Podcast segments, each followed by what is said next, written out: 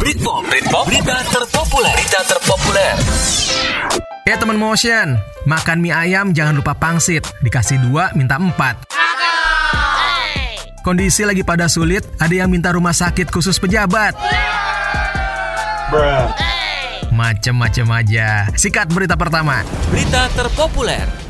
Oke teman motion, berita pertama di tengah penuhnya fasilitas kesehatan atau rumah sakit di Indonesia, masih ada aja pejabat atau politikus yang kasih pernyataan gimana? gitu ya, mau ketawa takut ditangkap, tapi kalau nggak ketawa, imun gue kurang ntar. Jadi, adalah politikus namanya Rosalin Irene Rumaso.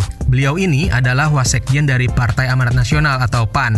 Dalam sebuah diskusi daring, beliau minta ke pemerintah untuk membuat rumah sakit COVID-19. Tapi, ada tapinya nih, khusus untuk pejabat negara. Katanya nih, segitu banyaknya anggota dewan, kok kesehatannya nggak dipikirin sih? Rosalin menilai pemerintah lupa harus nyediain fasilitas kesehatan COVID-19 khusus untuk pejabat negara. Meski kan sebenarnya udah ada rujukannya tuh ke RSPAD Gatot Subroto Jakarta Pusat. Menurutnya pejabat negara seharusnya diistimewakan karena bekerja memikirkan negara dan juga rakyat. Bukan tanpa alasan nih, Bu Rosalin ngusulin rumah sakit khusus untuk pejabat negara. Karena salah satu temennya yang juga anggota DPR dari PAN yaitu John Mirin meninggal karena COVID-19.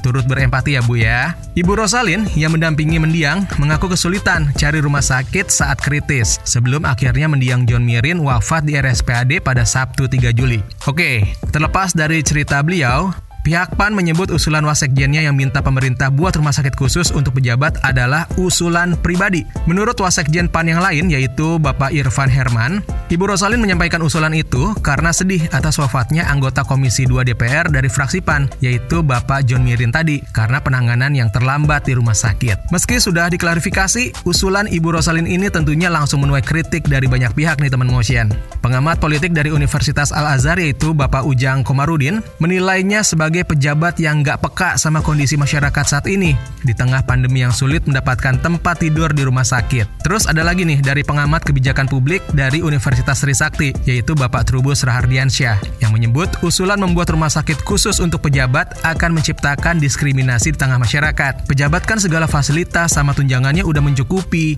Selain itu kritik juga disampaikan oleh Direktur Nasional Gus Durian Network Indonesia yaitu Ibu Alisa Wahid. Beliau bilang, ketimbang bikin rumah sakit COVID khusus pejabat, ya lebih baik bangun rumah sakit untuk merawat para tenaga kesehatan yang udah banyak terpapar. Banyak pula yang gugur loh. Berita terpopuler. Right, teman motion, Britpop selanjutnya kita ke gelaran sepak bola terbesar di benua biru yaitu Euro 2020 yang akhirnya finally sampai juga ke partai final.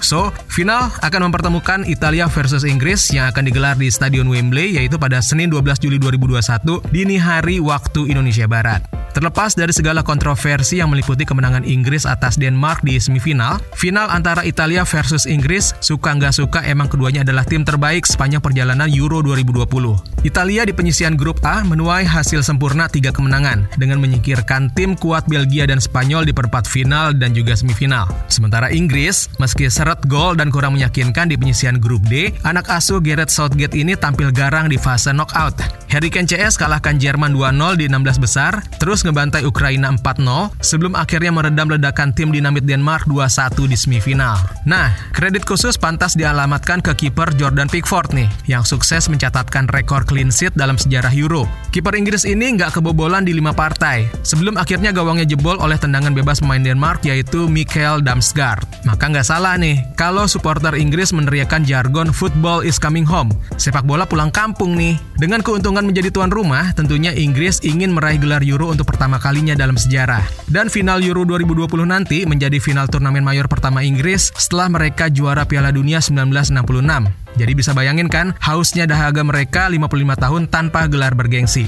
Anyway, bakalan ada yang unik nih di final Euro nanti. Jadi, lagu Butter milik BTS bakal diputar di partai final. Butter memenangkan voting yang dilakukan oleh akun Twitter UEFA Euro 2020. Dari 4,18 juta partisipan, BTS meraih hampir setengahnya, yaitu 46,6 persen. Selain Butter, lagu lain yang bakal diputar di final Euro 2020 adalah Kill My Mind dari Louis Tomlinson, lalu ada Adore You dari Harry Styles, dan Blinding Lights dari The Weeknd. Nah, ini yang buat kecewa para ARMY ternyata. Kata mereka, Buat apa bikin polling kalau hasilnya Butter nggak jadi satu-satunya lagu yang diputar di final?